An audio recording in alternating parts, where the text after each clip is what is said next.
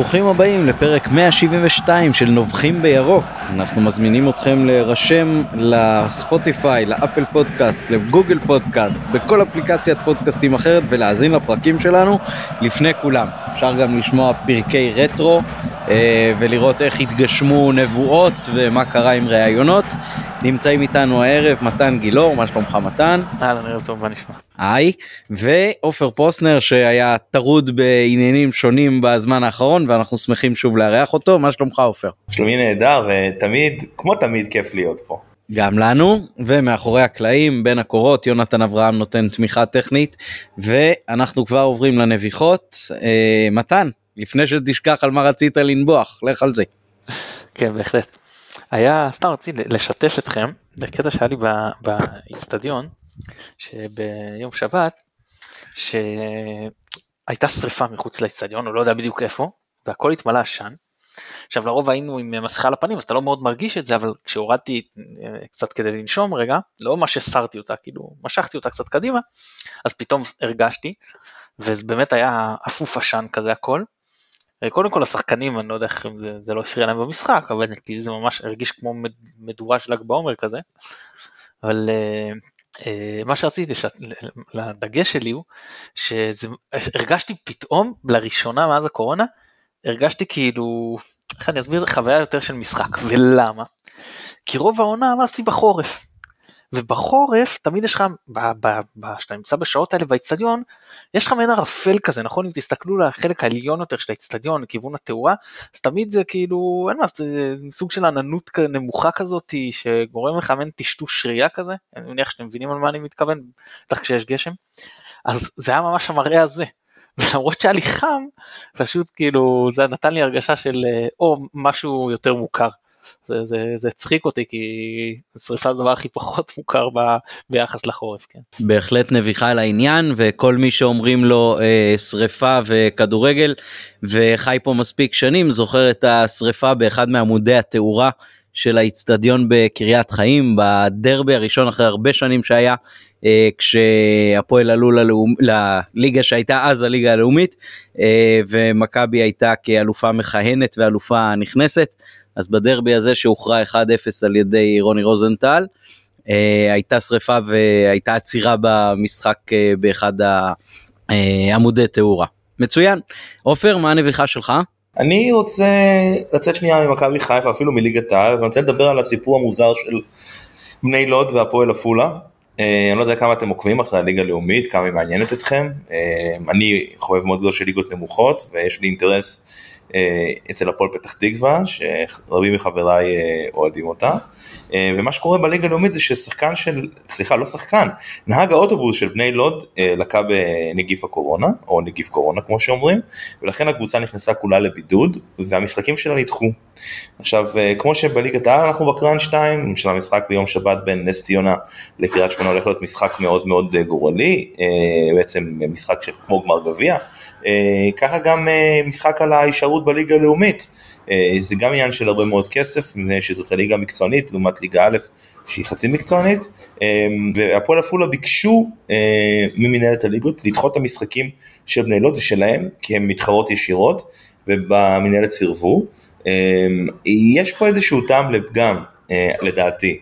אני, נכון, החלטה מאוד מאוד קשה לעשות, ואנחנו באמת יודעים שכל דחייה, במיוחד בסיטואציה הנוכחית שבה אנחנו עומדים על סיפו של גל שני, אה, עלולה לגמור, אה, לגרום לכך שלא יהיו משחקים בכלל יותר, אבל אה, החזירו את הליגה, וכמו שדיברנו על הדבר הזה בזמן ההסכתים שקלטנו בקורונה, אנחנו צריכים לשמור על איזושהי ספורטיביות, בגלל זה גם טוב שהחזירו את הליגה, ובגלל זה אני גם מפרגן למכבי תל אביב על אליפות באמת מוצדקת מאין כמוה.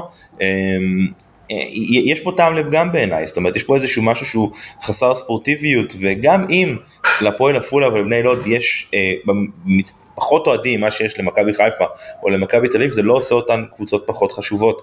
אה, אני חושב שראוי שהמינהלת כן אה, תחשוב שנייה רגע על האינטרס הציבורי פה, על האינטרס של האוהדים ותנסה לשמור על ספורטיביות אפילו שאנחנו נמצאים בסיטואציה מאוד מאוד לא רגילה. כן, אני מבין את כל האילוצים, אבל uh, קבוצות צריכות לשחק אחת מול השנייה במחזורים האחרונים, uh, שלא יהיה פה איזשהו טעם לפגם, שלא יהיה פה איזשהו עניין של חוסר ספורטיביות, זה בעיניי מאוד מאוד חשוב, ו...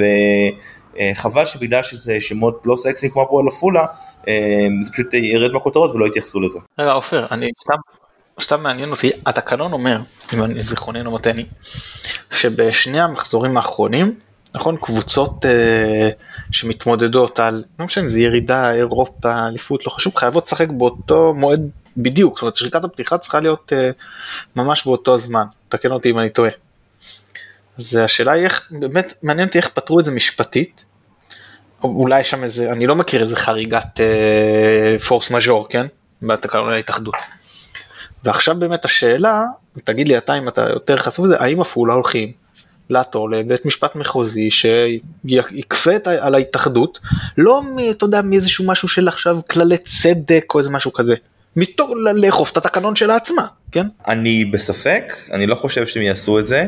אוקיי, כן, דברים ראויים, ואני אעבור לנביחה שלי. אני לא הולך להקדיש את ההסכת הזה לליברפול, אבל uh, בתור אוהד הקבוצה, אז כמובן שאי אפשר לה... להימנע מלהזכיר את הזכייה שלה אחרי 30 שנה באליפות. נקווה שאצלנו זה לא ייקח 30 שנה, ונקווה שאצלנו לא יידרש עוד uh, נגיף עולמי בשביל uh, שמשהו כזה יקרה. אבל uh, יש הרבה קווי דמיון בין הקבוצות uh, ואני יכול להגיד מהחוויה שלי שהתחלתי לעוד כדורגל בסוף שנות ה-70 אני מסביר את זה קצת לילדים שלי ליברפול הייתה משהו כמו חיבור בין ברצלונה לריאל מדריד ממש uh, הקבוצה הכי הכי דומיננטית ומפורסמת באירופה ובטח בישראל שמכל הכדורגל האירופאי בעיקר היינו פה קצת uh, כדורגל אנגלי בימי חמישי בערב. Uh, עם המעבר של אבי כהן בזמנו לליברפול אז ליברפול צברה המון אוהדים בישראל. הקבוצה הייתה מגיעה לישראל אה, פעם בשנתיים שלוש למשחק ידידות כזה נגד נבחרת ישראל או נגד כוכבי הליגה או משהו כזה. אה, בדרך כלל זה היה סביב אה, הכתרת שחקן העונה של ידיעות אחרונות או של מעריב. וביחד עם רוני רוזנטל שאחר כך עבר לשם ויוסי בניון זאת בפירוש אחת הקבוצות הכי אהודות בישראל.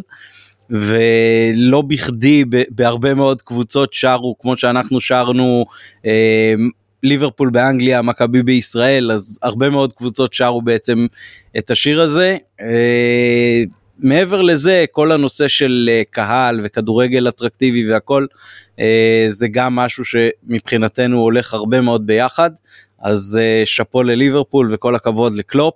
ומעניין לראות איך שם בעצם היו בעלים לפני uh, הבעלים הנוכחי uh, של משפחת הנרי שבעצם חצי גורשו על ידי האוהדים כשהם לא כל כך uh, הצליחו לתרום לקבוצה ואחר כך היה שינוי וגם בא קלופ uh, וקלופ קיבל ככה כמה שנים של uh, תהליך ו- ויד מקצועית uh, די חופשית והצליח uh, להחזיר בעצם עטרה ליושנה למועדון הזה. מאוד מעניין המחשבות של מה קורה שם מול מה קורה אצלנו.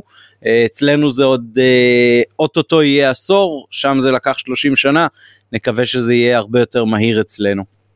עוד משהו מבחינת נביחות או שנעבור כן, לפרק אני, אני רק רוצה להגיב לנביחה שלך. שבהשוואה הבלתי נגמרת שעושים בין לברון ג'יימס למייקל ג'ורדן אז רואים כרגע נכון לעכשיו מייקל ג'ורדן באמת שחקן אה, כנראה זה גם לא ישתנה כן גדול יותר. מבחינת מנהל מקצועי נראה שדווקא לברון היה לו עדיפות באיך שהוא ניהל את הקבוצות אבל זה לא חד משמעי אבל בלי ספק שלברון בעלים טוב יותר בעוד שמייקל ג'ורדן כושל עם שרלוט לברון הביא אליפות לליברפול. כן. אה, אוקיי אז אה, בוא נראה מה היה לנו שם. היה לנו שני ניצחונות ברצף על הפועל תל אביב ובמוצאי שבת על אה, באר שבע. התאוששנו בעצם עכשיו עם אה, שלושה ניצחונות רצופים מפתיחת פלייאוף שהייתה עצובה. נתחיל מהמשחק מול הפועל תל אביב. היה לנו שער מהיר מאוד בהזדמנות הממשית בעצם הראשונה. אחר כך אה, המון החזקת כדור בלי לעבור את החצי כמעט שזה היה מאוד מאוד הזוי איך הפועל תל אביב הצליחו ממש ללחוץ אותנו אבל בלי לגעת יותר מדי בכדור והכדור היה רוב הזמן בחצי שלנו אבל גם ברגליים שלנו. אחר כך אה, סמוך למחצית הייתה הבומבה של שרי 2-0 ואז מחצית שנייה מנומנמת, פתאום אחרי 3-0 הם קיבלו פנדל לקראת הסוף, אחר כך היה עוד פנדל שבוטל, אה, זה היה כל הדברים האלה די במקביל לכניסה של שמעון גרשון, אה, סליחה, של רמי גרשון. אה, משחק מאוד מאוד מוזר. מתן, מה הסיכום שלך למשחק הזה? איזה משחק כמו שאמרת זה ממש מוזר. קודם כל החזקנו בכדור כל הזמן, אני דווקא הרגשתי, אתה אומר לחץ, אני הרגשתי שהם אה, כמעט דווקא, לא יודע, לא לחצו אותנו, אולי, אה, לא יודע למה קיבלנו רושם כזה שונה. אבל אפילו כתבתי עם אנשים תוך כדי המשחק, והם אמרו לי אה, שעכשיו אחד מהם רשם יופי עכשיו כאילו הבקענו שער מוקדם הם יצאו קדימה ולא הרגשתי בכלל שהם יוצאים קדימה כן אני מדבר איתך 15 דקות ראשונות אנחנו מדברים על החזקת כדור של 80 אחוז זה, זה, זה גבוה בצורה בלתי רגילה שאתה גם לא אומר פה היינו בו איזה תשעה שחקנים כן או משהו כזה. הממוצע לאורך כל המשחק הוא 65 אחוז. שוב זה ברמת. אתה יודע ברצלונה נגד אלווס כאילו דברים כאלה שלא לפי הפלחים של הרבע שעה לא ירדנו מ-60 אפילו פעם אחת. אה, הרגשתי שהם משחקים מאוד גוטמני. כאילו מחכים לנו מאחורה, אה, רוב המשחק, אה, עכשיו תראה, יש פה שקר גדול מאוד של הסטטיסטיקה, כן? כי כאילו אם אתה מסתכל, אתה מבודד רק את כל המצבים שהיו, כאילו אתה אומר הפועל תל אביב היו פה יותר מסוכנים, אבל זה פיקציה, זה היה כשהמשחק היה גמור. וכשהמשחק היה חי, אז זה היה משחק לא רע שלנו, היינו מסוכנים, היינו שווים את השערים, אני הרגשתי שאפילו יותר, למרות שהמדד שערים צפויים לא משקף את זה, אבל אה, כי הוא יותר המצבים שהגעת, לפעמים אתה יודע איזה פס רוחב שלא עובר, לא נחשב, אבל הוא כן מאוד מסוכן. ואני הרגשתי שההתקפה ממש, הסכמה ההתקפית ממש עבדה וההתקפה אה, זרמה. הגנתית כרגיל יש מקום לשיפור בעיקר באמצע. שוב, כשכבר עלינו ליתרון משמעותי והורדנו את הרגל מהגז, אז ראינו כמה קל לחתוך אותנו פעם אחרי פעם, וזה בדיוק המקום, אתה יודע, ש... שהיו שחקנים בש... בשנים עברו, אם אני לוקח, בוא ניקח אפילו שחקן כמו דירסר, בסדר? בשנים שלקחנו את האליפויות עם רוני לוי. זה שחקן שגם שהקבוצה הייתה מורידה קצת את הרגל מהגז, הוא היה מחרב את האמצע ולא משנה מה הוא לא היה נותן שם שנייה לנוח. ואז אתה מצרף לזה לפעמים את בדי, לפעמים עידן טל, עוד מישהו שהוא גם בסגנון הזה, בוקולי שאז עוד שיחק באגף, והוא בטח שהוא לשחקן שלא מוריד את הרגל מהגז, שחר הגדיר אותו כמתאמן הטוב, אני חושב שזה שחר היה, שהגדיר אותו כמתאמן הטוב שהוא ראה בכל הזמנים, אז אתה אומר אה, גם כש... אתה יודע, אפילו שבעה שחקנים יכולים להוריד הילוך כי אתה מוביל בצורה משמעותית, עדיין לא היית חשוף. ובמכבי זה לא קורה. יש לך נגיד במקרה הטוב אחד, אחד וחצי, שנשארים באינטנסיביות אה, גבוהה, ואז אתה מגיע למצב שאתה חשוף והיריבה יכולה להגיע להרבה מצבים. עכשיו אה, תראה, אם זו יריבה קצת יותר מסוכנת מהפועל תל אביב, שופט לפה לשם פנדל לא מתבטל, אתה סתם הולך לחמש דקות מאוד לחוצות, שבמשחק קריטי כבר יכולות לעלות לך בשלוש שלוש, ואתה כאילו, אתה מבין, אתה מגיע, מכניס את עצמך למצבים שלא מצדיקים מבחינת הרמה שהצגנו, כי היינו הרבה יותר טובים מהפועל תל אביב. בלי ספק, אה, עופר אמר לי, הוא בטח יגיד את זה ובצדק, כאילו איך הצלחנו להפסיד להם אצלנו 2-1, זו קבוצה לא ברמה של מכבי, ולא שאנחנו כאלה גדולים, הם באמת פשוט קבוצה שנכנסה לבית עליון, כי מישהו היה צריך להיכנס לבית עליון, כי יש לנו בסוף חלוקה של 6, אבל הם לא שם מבחינת הרמה. תכף נעבור לעופר אבל uh, מה שלי יש לומר פה זה שלמרות uh, שהפועל תל אביב באמת לא ברמה אולי באמת זה מדגיש עד כמה ה-11 שלנו ההרכב הפותח uh, רחוק ממה שקורה בספסל כי במשחק בית נגדם היה לנו ארבעה שחקני הרכב בעצם שלא שיחקו גם בגלל פציעות גם בגלל uh, הרחקות uh, וזה נתן את אותותיו ולצערנו זה גם דפק לנו את הפלייאוף. עופר, היית במשחק, בוא תסכם לנו אותו מנקודת המבט שלך. אני אמרתי למתן במהלך המשחק שזה ה-3-0 הכי גרוע של מכבי שראיתי העונה. אה, כשהיה 3-0, כן? אה, ואני עדיין מחזיק בדעה הזאת, כי, תשמע, מכבי לא שיחקה טוב, אבל, אבל מתן ניתח יפה את הבעיות של מכבי בהגנה ובהתקפה. אני, אני חושב שהבעיה היא בפילוסופיית משחק.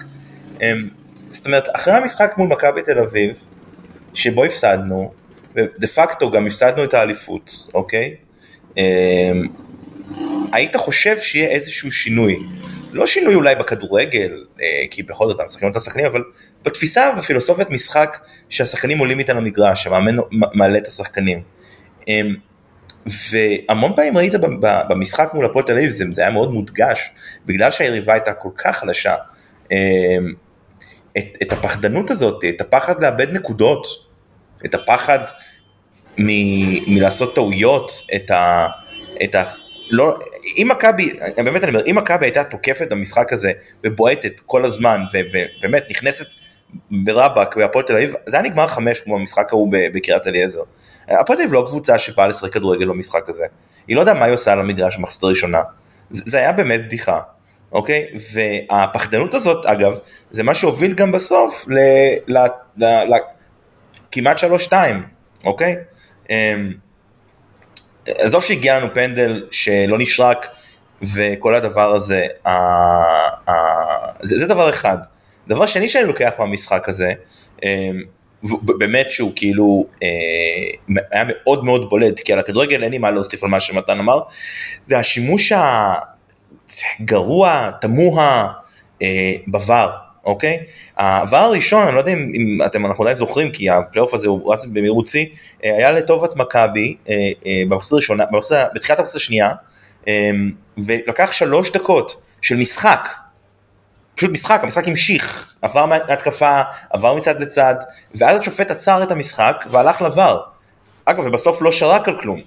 Um, היו עוד שני ברים במשחק, um, בזבוז זמן טוטאלי, אוקיי? שניים מהם uh, uh, התבררו כטעויות. Um, אני באמת לא... צריך לעשות עם זה משהו, זאת אומרת, אני, אני, מבין את, ה, את, ה, את השימוש, אני מבין את הטכנולוגיה, אני מבין שזה חשוב, אבל אז הייתה דוגמה מאוד מאוד טובה לאיך אתה באמת הורס את המשחק. כי, כי זה היה שיפוט מזעזע במשחק הזה. ו... על הכדורגל אין לנו מה לדבר, תשמע, מכבי משחקת כמו קבוצה שצריכה עכשיו לאגור נקודות נגד הירידה, ככה זה נראה, אוקיי? אה, כל השחקנים, הדבר שהכי שיגע אותי ואת מתן אגב במשחק, אם אני באמת, אה, זה, זה ההתעקשות זה, הבנתי אגב שזה קרה גם ביום שבת, אני לא ראיתי את המשחק, אנחנו ניכנס לזה תכף בטח, אה, על חזיזה. חזיזה לא אמור לראות מגרש עכשיו, הוא לא משחק טוב, הוא לא בכושר, הוא לא זז טוב, הוא נכנס בכניסות ברוטליות או פוצעים אותו, הוא צריך לנוח עכשיו, מישהו אחר צריך לשחק במקומו.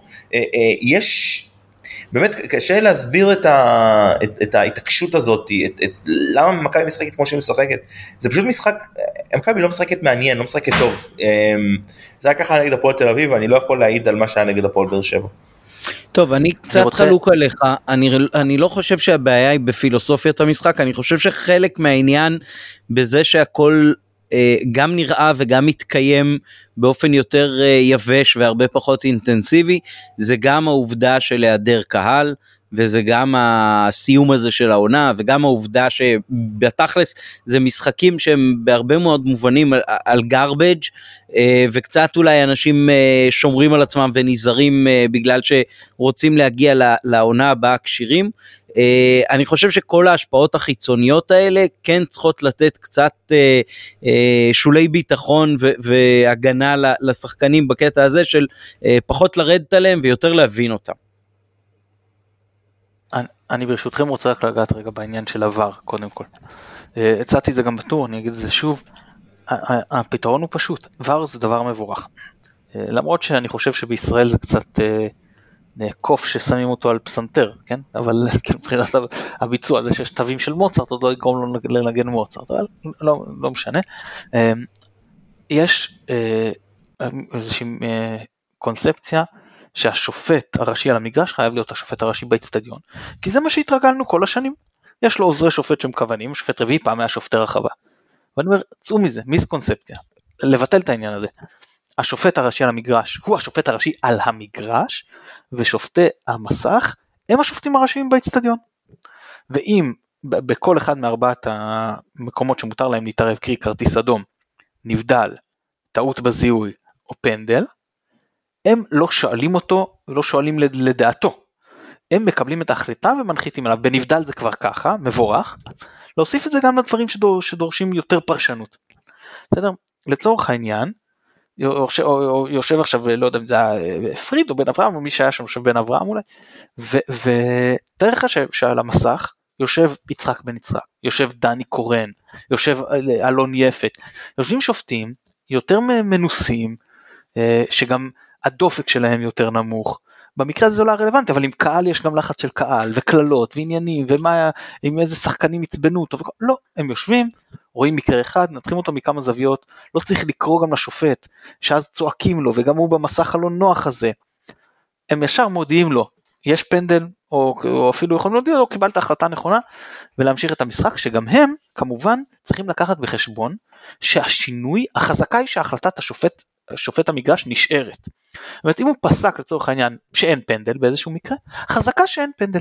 אתם צריכים להיות משוכנעים מההילוך החוזר שהיה פנדל. אם אתם משוכנעים שהיה פנדל אז אתם אה, מודיעים לו באוזניה חביבי היה פנדל שרוק לפנדל ונגמר הסיפור. זה אה, פשוט יקצר תהליכים את כל זמן ההמתנה. עכשיו גם אתה רואה שאם יש בתוספת זמן וזה לנו כבר שני משחקים בבית העליון הם לא מוסיפים את הזמן שהם מבזבזים בתוספת הזמן על עבר. זה גם אה, מגוחך אז אה, פשוט אה, להעביר את האחריות ל, ל, לשופטי המסך ואני חושב שזה יפתור הרבה מהבעיות האלה.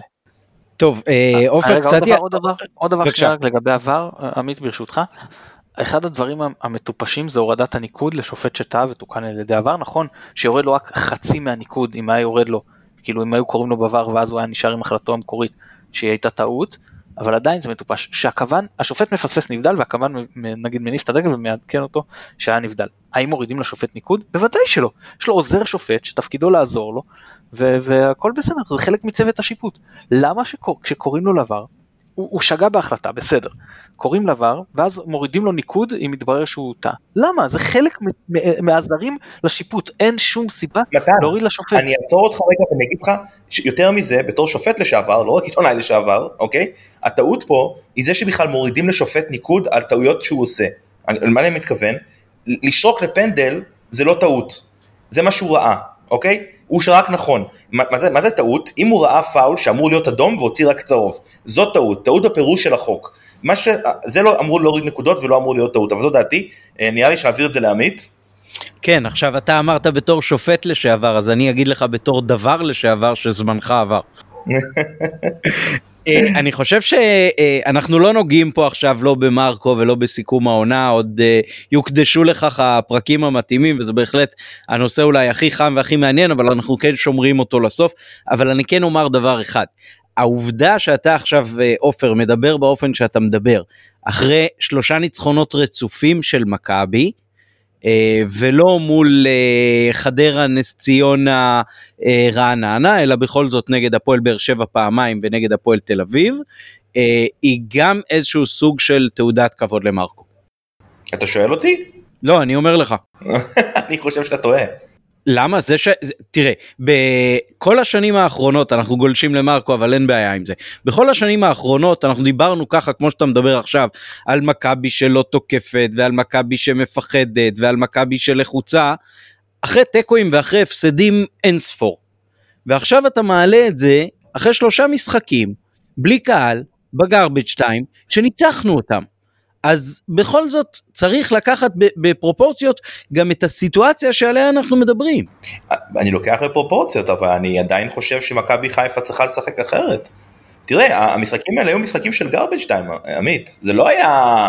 אה, וניצחת אותם. טוב אה, תשמע גם ניצחנו משחקי אימון פעם נגד נוריץ' הייתי אז מה? בסדר.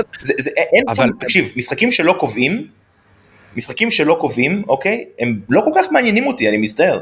זה כמו לזכות בגביע הטוטו. כאילו, אתה יודע מה, יותר מזה, אני זוכר שפעם הגענו לגמר גביע הטוטו נגד מכבי תל אביב, לא לפני הרבה שנים הפסדנו את המשחק הזה. כי עלינו עם הרכב אה, לא מי יודע מה הוא, משהו כזה, אני כבר לא זוכר. אז יופי, אז שיחקת טוב ב- ב- ביולי במשחק הראשון בגביע הטוטו, אוקיי. זה היה משחק חשוב באיזושהי צורה? אני אשאל אותך שאלה כזאת, אה, את המשחק, ה-5-0 מול הפועל תל אביב זה משחק חשוב, זה ניצחון גדול. ה-3-0 בדרבי זה משחק חשוב, למה? כי הוא קבע משהו, אוקיי? מהשנייה שמכבי תל אביב ניצחו אותך, והסיכוי לאליפות דה פקטו עבד, אמ, לא היה על מה לשחק. זאת אומרת, לא היה שם כלום. אה, ויותר מזה אני אגיד לך, אם אתה אומר לי שזאת תעודת כבוד למכבי חיפה, הניצחונות האלה, אז תעודת העניות של מכבי חיפה, הגדולה יותר, היא ההפסד להפועל תל אביב בפתיחת הפלייאוף העליון, או התיקו מול בית"ר. נכון, אבל מה, שאני אומר זה לא זה. מה שאני אומר זה שהעובדה שאנחנו עכשיו הגענו למצב שאנחנו גם אחרי ניצחונות, אה, לא כל הזמן תמיד אה, מאוד מרוצים כי הניצחון אה, מסנוור אותנו, היא סוג של התקדמות לעומת השנים האחרונות. בשנים האחרונות אנחנו דיברנו הרבה באופן הזה, אבל זה היה אחרי הפסדים ואחרי תיקואים.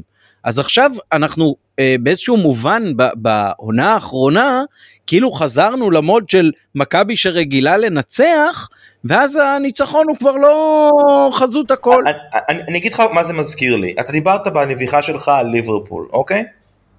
מכבי חיפה הייתה הקבוצה הכי טובה בכדורגל הישראלי בפער במשך תקופה מאוד ארוכה, אוקיי? למכבי חיפה יש סטנדרטים מאוד מאוד מאוד מאוד גבוהים. והסטנדרטים האלה לא יימשכו עשר שנים מהאליפות, גם שלושים וארבעים שנה אצל האוהדים שלה. זה לא, לא יהיה משהו אחר, אוקיי? אני לא אקבל, אני, אני כעופר פוסטר, אולי אוהדים אחרים, תפאדה אולי אתה, בכיף, לא אקבל ניצחונות כגרבשטיין כהישג. לא יקרה, לא יעבור אצלי. ככה חינכו אותי. יש משחקים קובעים, ויש משחקים שלא מעניינים, אוקיי? מכבי חיפה לא צריכה להגיד ניצחנו שלושה משחקים בגרבג' טיים בפלייאוף העליון אחרי שבאנו את האליפות כאיזשהו משהו. גם, גם לקחנו שנה שעברה מקום שני זו הייתה התקדמות. 30 הפרעות. אני לא אומר אני לא אומר שזה הישג. אני לא אומר שזה הישג. אני, אני אומר שאם היו שלושה ניצחונות כאלה, לא משנה באיזה שלב של העונה, גם בשלב ש, של כל השבע, שמונה, תשע שנים האחרונות, שבהם בנובמבר כבר uh, בשיא הקור הלכנו לים, אז אם היו שלושה ניצחונות פתאום בינואר, והם היו כאלה, היית מדבר אחרת. אולי, אני עדיין חושב שאתה יודע, הסיטואציה קובעת הרבה יותר מה... ברור, לא הגדרתי את זה, לא הגדרתי את זה כהישג. אמרתי שעצם העובדה שאתה מביע אה, בעיקר מורת רוח אחרי שלושה ניצחונות רצוף, מעיד על זה שמכבי חוזרת לשורשים שלה. אולי, אני לא יודע להגיד לך את זה, אני רוצה לראות עוד עונה כזאתי, אמיתית, ברור. עונה. אגב, אני כן אגיד לגמרי שאני נותן למרקו את ההנחה שהדבר שקרה הרג את המומנטום לחלוטין של מכבי חיפה. באמת, בצורה שאי אפשר לתאר אותה. אני לא חושב שזה אומר שהיה סיכוי שניקח אליפות יותר או פחות, אני רק אומר שזה, שאי אפשר להתווכח עם העובדה שמה שקרה באמת סגר את המומנטום והרג את העונה הזאת, אוקיי? לא חושב שיש מישהו שיכול להתווכח על זה. אני, אני כן אומר שאני לא מתרשם מהשלושה ניצחונות האלה, אולי אתה צודק, אולי באמת זה סימן טוב שאני לא מתרשם משלושה ניצחונות רצופים. אמ, אני פשוט, אתה יודע, מצפה ליותר, אני תמיד מצפה ליותר. זה, זה הבעיה שלי כנראה, כי עוד מכבי חיפה. עופר, אני, אני מעניק לך נקודה וחצי משלוש, ואני אסביר. נקודה ראשונה, אתה, אתה צודק מאוד. כאילו, מכבי צריכה לשאוף לאליפות, ושלושה ניצחונות אה, על, על, כאילו על כלום מבחינה ספורטיבית, זה באמת לא מה שאמורים להתרגש ממנו, זה אחד. שתיים, איפה אתה רק חצי צודק. אתה חצי צודק בזה שלכאורה, כשיש קהל, אז אנשים הטריחו את עצמם, עזבו את המשפחה, בזבזו את הכסף, עשו את הדרך, בזבזו את הזמן, באו בדרך כלל זה כבר בחום. לפעמים ביציע השחקנים צריכים לתת הכל בשבילם, הכל. כאילו לנצח, הם באו לראות את מכבי וצריכים להוציא אותם כמה שיותר מבסוטים, לא משנה מה, מה עכשיו המצב בטבלה, גם אם הם משחקים על כלום. עכשיו אין קהל אז, אז זה החצי כולה כמו שאומר. איפה אבל אני חושב שאתה, שאתה טועה. אשמע אנחנו אחרי הרבה שנים גרועות. זה נכון שהרבה פעמים הגענו לסוף בגרבג' 2, אז אה, בסדר, יש כאלה שיגידו ים, ויש כאלה שיגחו ויגידו הבמות בדל, וכל מיני כאלה שטויות, אני לא, לא מתרגש מאלה שאומרים את זה, שאנחנו יודעים יפה מאוד איזה צבע הם אה, לובשים. פחות יפה מירוק לטעמי. בכל אופן, תשמע, הגענו למצב שהרווחנו אירופה כל כך הרבה זמן לפני, אז גם אם לא מתרגשים, עצם זה שהגענו למצב שאנחנו יכולים לא להתרגש משלושה ניצחונות בשלב הזה של העונה, זה כבר הישג בפני עצמו. הישג אולי הישג זה מילה לא נכונה, כי, כי כמכבי אנחנו תמיד שואפים לאליפות, אבל זה, זה כן איזושהי עליית מדרגה לעומת השנים הקודמות. אה, זהו, אבל אני אומר ששחקן לובש את החולצה הירוקה של מכבי, אז הוא צריך לעלות כדי לנצח את המשחק, לא משנה לי היריבה, לא משנה לי האיצטדיון, לא משנים לי התנאים. צריך לעלות כדי לנצח את המשחק. והשחקנים האלה גם אם לא עשו את זה בצורה הכי יפה או בצורה הכי מוצלחת או בצורה הכי טובה, הביאו לנו את הניצחונות האלה וכן גם על זה צריך לפרגן להם. טוב אז בוא נדבר על עוד ניצחון. יום אה, שלישי ניצחנו את אה, אה, הפועל באר שבע, ניצחון רביעי ברצף עליהם העונה. אה, הם היו בעשרה שחקנים משלב מאוד מוקדם. נתנו גם גול יחסית מוקדם, מתן זה, זה לא היה נראה כמו 11 מול 10 רוב המשחק. זאת ההתרשמות שלי אני לא, טועה? לא, אתה ממש לא טועה. זה היה נראה שכל פעם שאנחנו צריכים אנחנו נותנים איזשהו פוש מגמדים אותם ממש, כאילו, אה, כל פעם שאנחנו עושים את הבליץ הזה שאנחנו, חשוב לנו, אז אנחנו מגיעים למצבים, נראים אה, טוב, חונקים אותם, ואז מורידים הילוך, כאילו נמאס לנו. עכשיו זה גם לא נראה לי, אולי זה עייפות, כי בלבול לא עשה רוטציה, והחבר'ה האלה גם, גם כאילו מה שעבר להם, וגם יודעים שיהיו להם עוד אה, משחקים רצופים, כי לא נראה לי שהוא הולך לעשות רוטציה בדרבי ונגד מכבי תל אביב, ואז הם רצו לשמור כוחות. ו, ובאותן דקות זה בכלל לא היה נראה שזה היה נראה אולי שהם 11 ואנחנו 10 כאילו באמת להיראות ככה מול עשרה שחקנים זה היה פשוט גם בתחילת המחצית השנייה שהם אה, השוו זה כבר היה באמת זה היה שם אני הרגשתי מביש אפילו אני יכול להגיד זה באמת היה איך עשרה שחקנים זה גם לא תגיד שזה אותם אני זוכר שהם ניצחו בטרנר את מכבי תל אביב 2-1 עם עשרה שחקנים ונראו מעולה, זה לא אותה קבוצה, זה לא הקבוצה ההיא, כן? זה קבוצה שהיא פחות טובה מאיתנו 11 מול 11. אז כשאתה אה, בא ככה 10 מול 11 והם עושים לך את זה, זה מאוד לא אהבתי את מה שראיתי בדקות האלה, כן אהבתי את מה שראיתי כשמכבי החליטה שעכשיו דחוף לה ללחוץ, ואז היא לחצה ואז זה באמת נראה גם שאנחנו מנצלים את היתרון המספרי, עכשיו, איך היתרון המספרי הגיע? היתרון המספרי הגיע עם משהו שלא ראינו הרבה זמן במכבי, וזה הצמד סולליכת מבוקה על אגף ימין. אני זוכר לפני הפציעה שסלליך במשחקים האחרונים, אז היה הפועל תל אביב בית"ר ירושלים, לפני שהוא קרא את הרצועה, הוא היה השחקן הכי טוב אצלנו.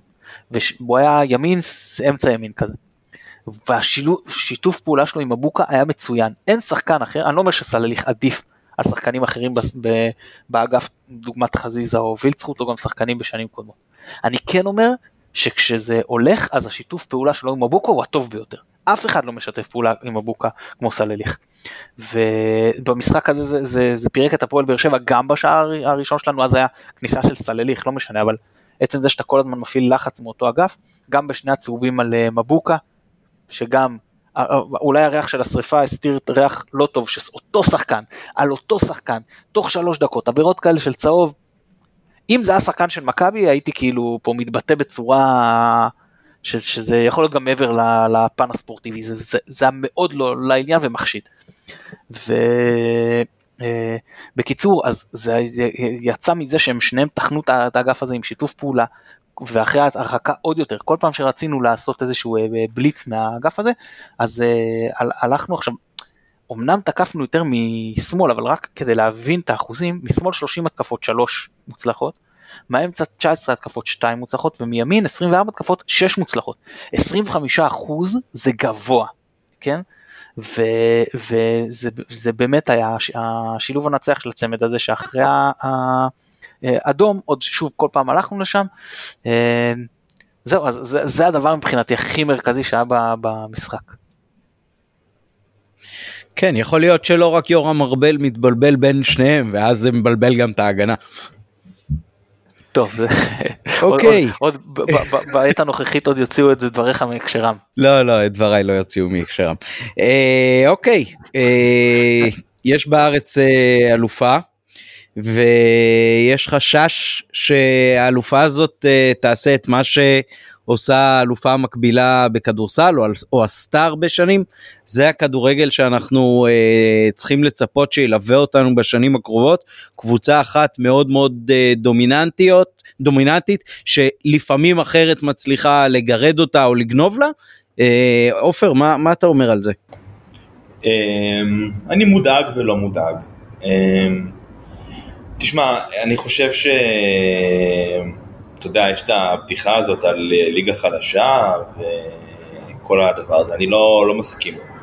אני באמת באמת חושב שזה אה, קבוצה מדהימה, השנתיים האלה של מכבי תל אביב אה, יהיו באמת שנתיים אדירות, שמה של הקבוצה של הנוכחית תיכתב בספר הזהב באותיות גדולות של הכדורגל הישראלי, אבל שמע, זה מה שאמרו גם על מכבי חיפה בזמנו.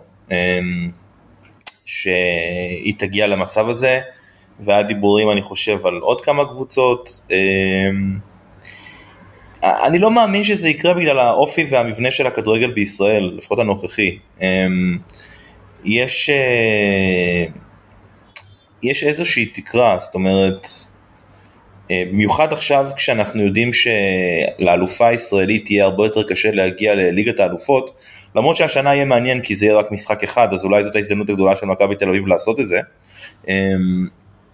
אני חושב שבלי העניין של ליגת האלופות, מה שבעצם גרם לקבוצות מחו"ל לשלוט בליגות שלהן, ומה שגם לדעתי גרם למכבי תל אביב לשלוט בליגה גביע אלופות, אתה יודע, אם אנחנו מסתכלים על קבוצות כאלה שהן שולטות לא בליגות גדולות, לא פריס סן ג'רמן שיש להם כמות כסף הרבה יותר גדולה מכל הקבוצות האחרות, אלא רוזנבורג, דינמו זאגרב, איזה עוד קבוצות כאלה יש, רדבול לודו גורץ, זה קבוצות שליגת האלופות, הפעמיים שלוש שהם הצליחו להגיע, הם יצרו את הפער הבאמת עצום בינן לבין שאר הליגות, שאר הקבוצות בליגה שלהן, וזה לא קורה כאן. זה, זה לא קורה כאן ואני חושב שיש כמה, כמה דברים שמונעים את הדבר הזה. אחד, יש בארץ הגבלה על כמות זרים כי אנחנו לא באיחוד האירופי ואנחנו לא חלק מהדבר הזה ולכן יש משקל הרבה יותר גדול לישראלים טובים. מכבי תל אביב עושה צעדים מאוד טובים בנושא הזה אבל גם תראה השנה מכבי חיפה הביאו שני שחקנים ישראלים אשכנזי וחזיזה שישר נכנסו להרכב והדבר הזה הוא, הוא משחק כן לטובת מכבי חיפה בתור מתמודדת וגם לקבוצות אחרות. הדבר השני זה שעם זרים הרבה יותר אה, קשה אה, לדעת מה יקרה וגם במכבי תל אביב יש לך שחקנים זרים שלא נגיד אה, היוו כזה, אה, כזה גורם במאבק האליפות, אני חושב שבלקמן אה, אה, לא היה נניח אה, גורם מאוד גדול וגם אה, איך קוראים לשחקן הזה שהיה פצוע, ניקוליץ' יכול להיות? נכון. הביאו שחקן, לא שיחק. אז כן, הם לקחו אליפות, אף אחד לא מדבר על זה, אבל אם אנחנו מסתכלים על זה שנייה מנקודת מבט חיצונית, אז כן, זה, זה לא שהקבוצה הזאת הייתה הכל רק טוב. אני כן חושש, כי כרגע אני לא מרגיש שיש קבוצה אחרת, כולל מכבי חיפה, שמנסה לקרוא תיגר אמיתי, ולקרוא תיגר אמיתי זה לשפוך ים של כסף. אני לא נכנס רגע לאם זה נכון או לא נכון לעשות את זה. אני מזכיר שמכבי תל אביב הייתה בשנה הזאת תחת מגבלות של פייר פליי ועדיין עשתה עונה באמת אה, אה, מדהימה. אה, ומכבי חיפה לא, לא כל כך מנסה להתמודד, הבעלים הנוכחי לא באמת שובר את הכיס ולא חושב על אופציה כזאתי של להתמודד באמת שווה בשווה, לא להציע משכורות עתק. אמ, אני לא, לא נכנס לכיס של ינקלה שחר, אני אגיד את מה שאני תמיד אומר, זה לא הכסף שלי ולכן מבחינתי הוא צריך לבזבז את, את השקל האחרון שלו כדי שמכבי חיפה תיקח אליפות, הכסף שלו לא מעניין אותי, אמ, אבל אני מבין נגיד אם אני מסתכל על זה בצורה מבחוץ, אני כן חושב שאם מתישהו יבוא בעלים אחר עם אה, נכונות לקחת אה, את מה שצריך, לעשות את מה שצריך כדי לקחת אליפות, אה, אנחנו נוכל לעשות את זה. כרגע אף בעלים אחר בליגה, אמ, במיוחד עכשיו שאלונה ברקת אה, עזבה את הפועל באר שבע, אה, אני לא מרגיש ש... שיש מישהו שמתמודד, אה, אבל, ואני אסכם את מה שאני אומר כי דיברתי באריכות, הגורם הכי משמעותי באליפות הזו של מכבי תל אביב לא היה אחד מהשחקנים אלא היה המאמן. אם המאמן הזה נשאר גם בעונה הבאה, אז הם כנראה ייקחו שוב אליפות, פשוט בגלל שהוא באמת דומיננטי בצורה בלתי רגילה. אם הוא לא נשאר, אה, אני לא חושב שמישהו יכול לדעת מה יקרה. כן, אה, מתן אתה רוצה להתייחס אני חושב שנכון גם uh, לתת את הדעת על העובדה שמיץ' בניגוד אולי לכל הבעלים האחרים בכדורגל הישראלי ברגע שהוא הקים את הקטע המקצועי הזה של אה, ג'ורדי והמנהלים המקצועיים והמנהלים הלא מקצועיים והצוות המקצועי שאפילו התחלף כל שנה הוא בנה שם איזשהו אה, מבנה שרק אנשים שכדורגל זה המקצוע שלהם הם אלה שמקבלים החלטות בעוד שאצלנו כשעוד לא ברור מי יהיה המאמן של שנה הבאה אה, כבר מחתימים או משחררים שחקנים אה, והמאמן בעצם ככה קצת מקבל מהדרג אה, הניהולי אבל הלא מקצועי את הסגל שלו וההשפעה שלו היא יותר אה, נמוכה. מה אתה אומר? במקרו ברור שאתה צודק ובמקרו אה, יש לך חיסרון גם ארגוני וגם כלכלי מול מכבי תל אביב. זה קשור ולא קשור זאת אומרת הכסף גם מביא אה, ארגון טוב יותר, אבל גם אתה יכול להתנהל בצורה הרבה יותר נכונה, מה שאנחנו לא עושים. כאילו בלי להוציא עכשיו עוד כסף אני מדבר. זה אחד. אה, שתיים, תראה, למכבי זה לא היתרון של הכדורסל, זה גם משחק שונה. מכבי תל אביב כיום היא, היא כאילו, אתה יודע, team to beat, צריך להודות. ומכבי היום אה, צריכה לשאול מה, מה אנחנו צריכים בשביל לעשות אליפות. ואני לא מדבר על, על דברים במיקרו, אני מדבר על כאילו בגדול שאתה מסתכל על התמונה. אז ה-70% פחות או יותר שהשגנו העונה יכול בעונות מסוימות להספיק, לא מול מכבי תל אביב הנוכחית, לא מול קבוצה דומיננטית כזאת בליגה.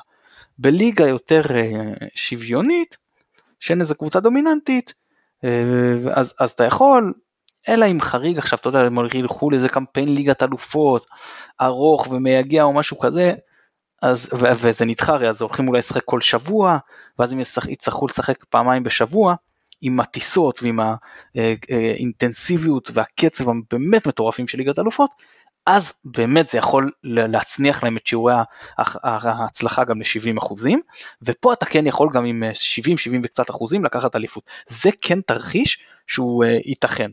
אה, כי גם בעידן הקורונה יכול להיות שיפגע להם ביכולת להחזיק סגל עד כדי כך רחב, אין לדעת. אבל בואו נניח, אני מניח שהם לא יפילו ליגת אלופות, וגם אם כן, אז כמה, אני לא יודע איך הקמפיין הזה ילך ובאיזה שלב, וכמה מהר הם ירימו שם את הדגל הלבן, כי באמת שם הרמה בין ישראל ל, ל, לשלב בתים בליגת אלופות זה כבר תהום פעורה, אנחנו, אנחנו מתקדמים בקצב מאוד מאוד איטי במקרה הטוב, בעוד שאירופה טסה קדימה. אז, אז בואו נשים את זה בצד, עכשיו אני שואל מה אנחנו צריכים לעשות, תראה, עונה כזאת כמו שהם עושים היום, אתה, אתה לא מסוגל להתמודד עם זה. אני אומר דוגרי, לא עם שיעורי הצלחה ועם, ועם ההגנה שמציגים, אנחנו, לא שם. ואני גם בספק אם בארגון הנוכחי של מכבי, כמו שהמועדון מתנהל היום, אנחנו בכלל יכולים להגיע לשם. לצערי אני סבור שלא, עד שיש שינוי uh, מהותי, גם ארגוני, ויכול להיות שאתה צריך פה גם איזשהו חיזוק כלכלי. אבל יהיו להם גם עונות פחות טובות. ויהיו עונות שהם ישימו 75, 77 אחוזי הצלחה, שזה לרוב מספיק פה לאלופה, שלא יהיה ספק. השאלה אם בעונות האלה, בוא אני אקח את העונה הראשונה שבאר שבע לקחה אליפות. מכבי נתנה שם עונה טובה. כן, הם העמידו שיעורי הצלחה טובים, כן, ושיחקו סך הכל כדורגל טוב. באר שבע לקחו שתי נקודות, הצליחו להיות שתי נקודות מעליהם. עונות כאלה אתה יכול. להגיד לך עכשיו שאתה יכול ללכת איתם ראש בראש על חצי חצי באליפויות או כל אחת ארבע ועוד איזה שתיים, לא, אתה לא יכול. אבל אה, פעמיים בשלוש בעשור לתפוס את ה-75-77 אחוזי הצלחה שיהיו להם עונות כאלה, עונות מעבר, אתה יודע, סגל שצריך להתאקלם, סגל מתבגר, שחוק, שבע, שם תבוא, תעשה את ה... תעבור את ה-75 אחוזי הצלחה, תיפול על משחק מפה, משחק משחק לשם, אתה יכול לקחת את זה. המכבי יכולה עכשיו לשפר את עצמה בעוד חמישה, שבעה, שמונה, עשרה אחוזי הצלחה, הלוואי.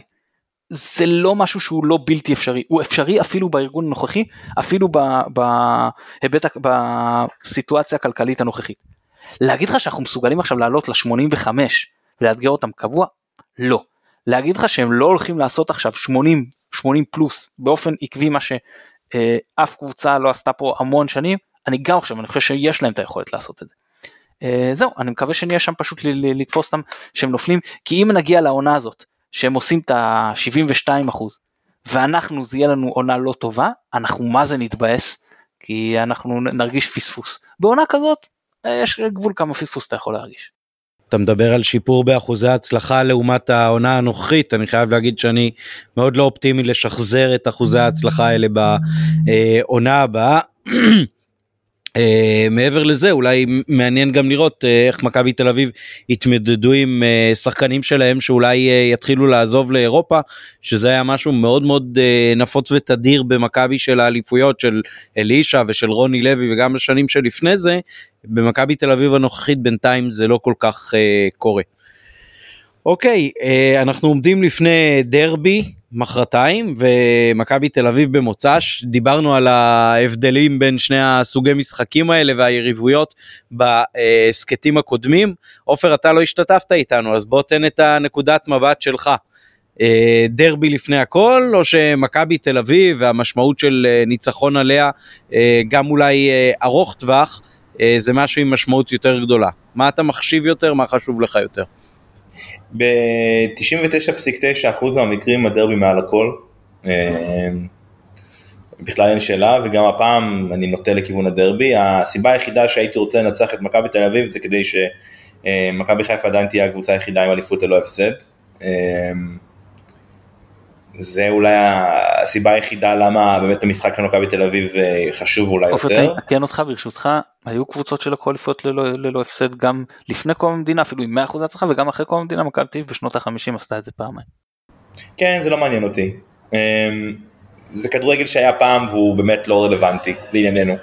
אה, לא ליגה של 39-36 מחזורים, לא כדורגל מקצועני, לא קבוצות רציניות, לא עם זרים, זה משהו אחר לגמרי. זה... יש את המודרן ארה ויש את הפרי מודרן ארה, ואני חושב שגם אה, אוהדי מכבי תל אביב אה, מבינים על מה אני מדבר, למרות הזיכרונות שלהם משנות החמישים העליזות.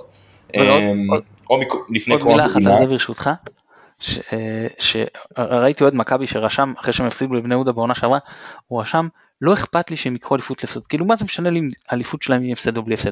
הסיבה שאני שמח שהם לא לקחו אליפות אה, בלי הפסד, זה שאז היו משווים אותם לקבוצה של מכבי של 93-4, שבעוד הקבוצה של מכבי טבעי מצוינת אבל אפורה, זו הקבוצה היא הייתה אולי המלהיבה ביותר שנראתה פה על מגרשים בישראל, וכאילו ישראלית, ועונה שלמה פשוט שטפה את המגרש, שיחקה כדורגל מהפנט, ורק מהבחינה הזאת אני כאילו אומר אני לא רוצה שישבו ביניהם, זה פשוט יעשה עוול לקבוצה ההיא. אני, אז, אז אני אגיד לך משהו כזה, שנייה אני, אני אסתר רגע מה, מה, מהשאלה ואני אגיד ככה, האליפות הזאת של מכבי תל אביב היא אליפות מדהימה ואני חושב שלחטוף, מה, שמונה גולים הם חטפו כל העונה? נכון, שמונה שמונה, שמונה שערים. שערים? לא כולל, אוקיי, לא כולל, לא כולל אום אל שלושה. פחם ואירופה. לא, לא, לא, במשחק אחד הם חטפו שלושה בליגה נגדנו, זה אומר שב-30 ו... כמה? 30 משחקים? 31 משחקים חטפו חמישה גולים. זה, זה גול, גול, זה מטורף, זה, זה נתון ש, שקשה בכלל להסביר כמה הוא, כמה הוא באמת עצום. אה, ועדיין, אוקיי, אה, בשבילי, אה, זאת הסיבה היחידה לנצח את מכבי תל אביב, זאת אומרת, אני לא, אני לא, לא אגיד שאני לא רוצה, אני, אני חושב שאנחנו צריכים לנצח את שני המשחקים האלה. אה, ואגב, אה, עמית, בהמשך למה שאמרת מקודם, אם ננצח את שני המשחקים האלה, זה יהיה הישג. הישג, בגדול, עם ה' אה, דגושה.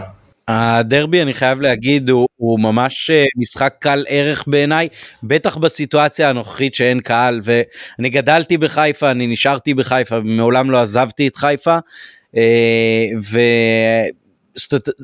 וזה תמיד נראה לי כמו מכבי תל אביב הפועל תל אביב נגד אה, שמשון ביתר ובני יהודה. כאילו מי זה הפועל בכלל? זה, זה לא קבוצה שהתחרנו איתה על שום דבר מעולם. אני אגיד שיש פה סקופ.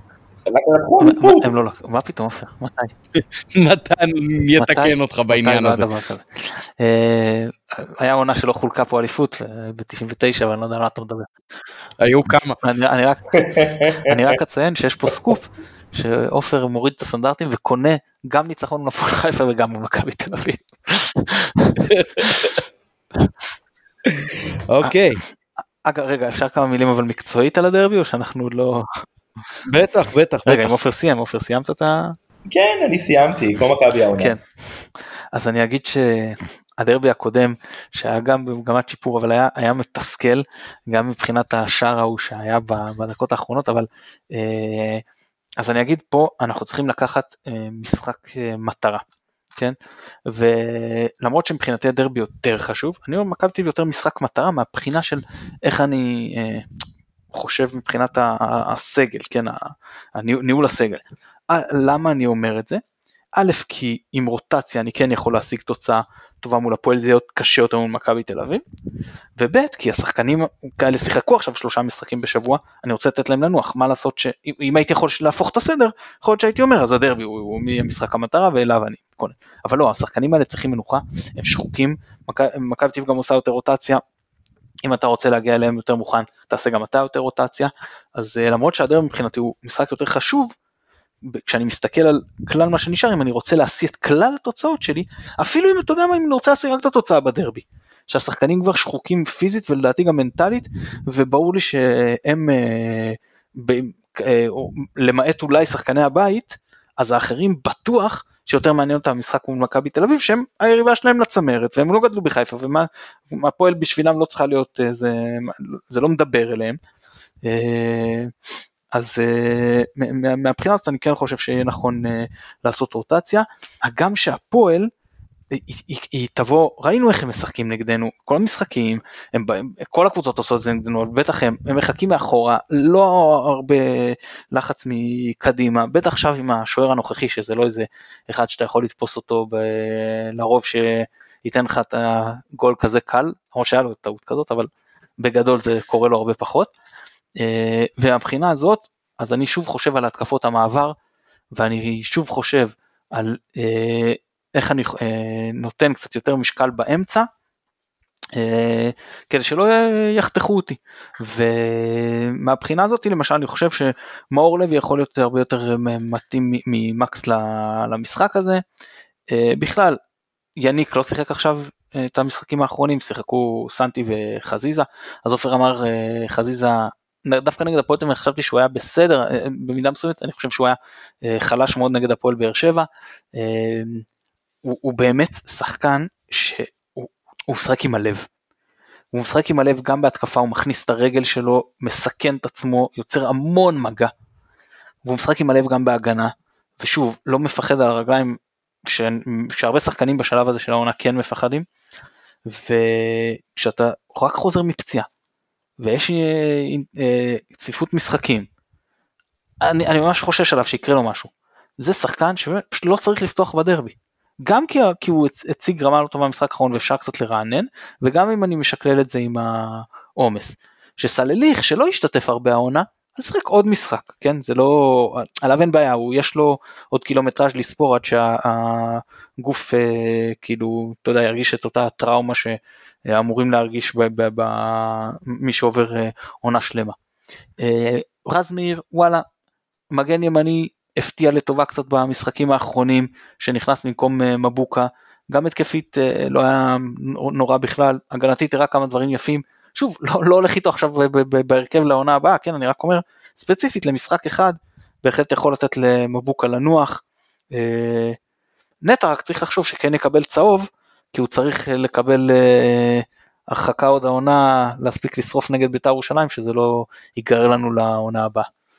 טוב יפה מאוד באמת החישוב שעשיתי היום אנחנו אה, עומדים לסיים בארבעה ביולי את אה, תשעת משחקי הבית העליון הראשונים ב-36 ימים זה ממש ממוצע של אה, משחק כל ארבעה ימים מאוד מאוד אה, אינטנסיבי חבל שבנסיבות כאלו וחבל שזה נגמר לנו לפני שזה התחיל.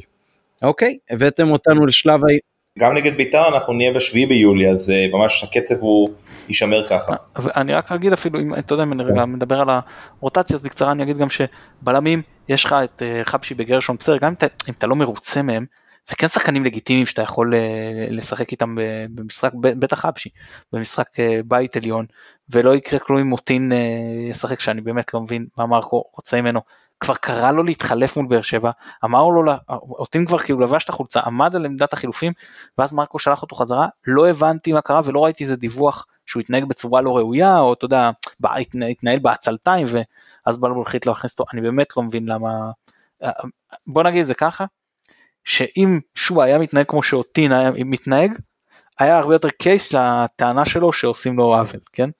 אה, כי, כי באמת אותין אתה לא שומע כלום ממנו, אולי סתם התקשורת לא מעניינת אותם ואנחנו לא שומעים על דברים שהוא עושה אבל ממה שאנחנו כן שומעים לא שומעים כלום ובאמת שחקן אתה יודע שבא עם פוטנציאל כשחקן זר וחונקו אותו לא נתנו לו גם כאילו אפילו השנה.